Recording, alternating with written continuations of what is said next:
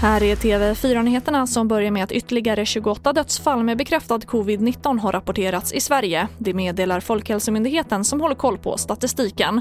Och därmed har totalt 12 826 smittade avlidit i landet.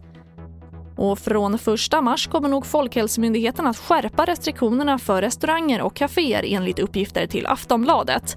Enligt tidningen ska endast en person åt gången kunna serveras i restauranger och kaféer som inte har egna ingångar utan ligger i köpcentrum och varuhus.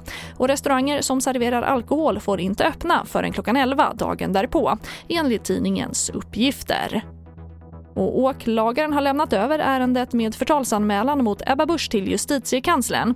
Det är efter en omdebatterad hustvist som partiledaren Ebba Busch nyligen gick till hårt angrepp mot säljarens juridiska ombud i ett inlägg på sociala medier. Ombudet anmälde då Ebba Busch för grovt förtal. Och mer om det här kan du se på tv4.se. Jag heter Charlotte Hemgren.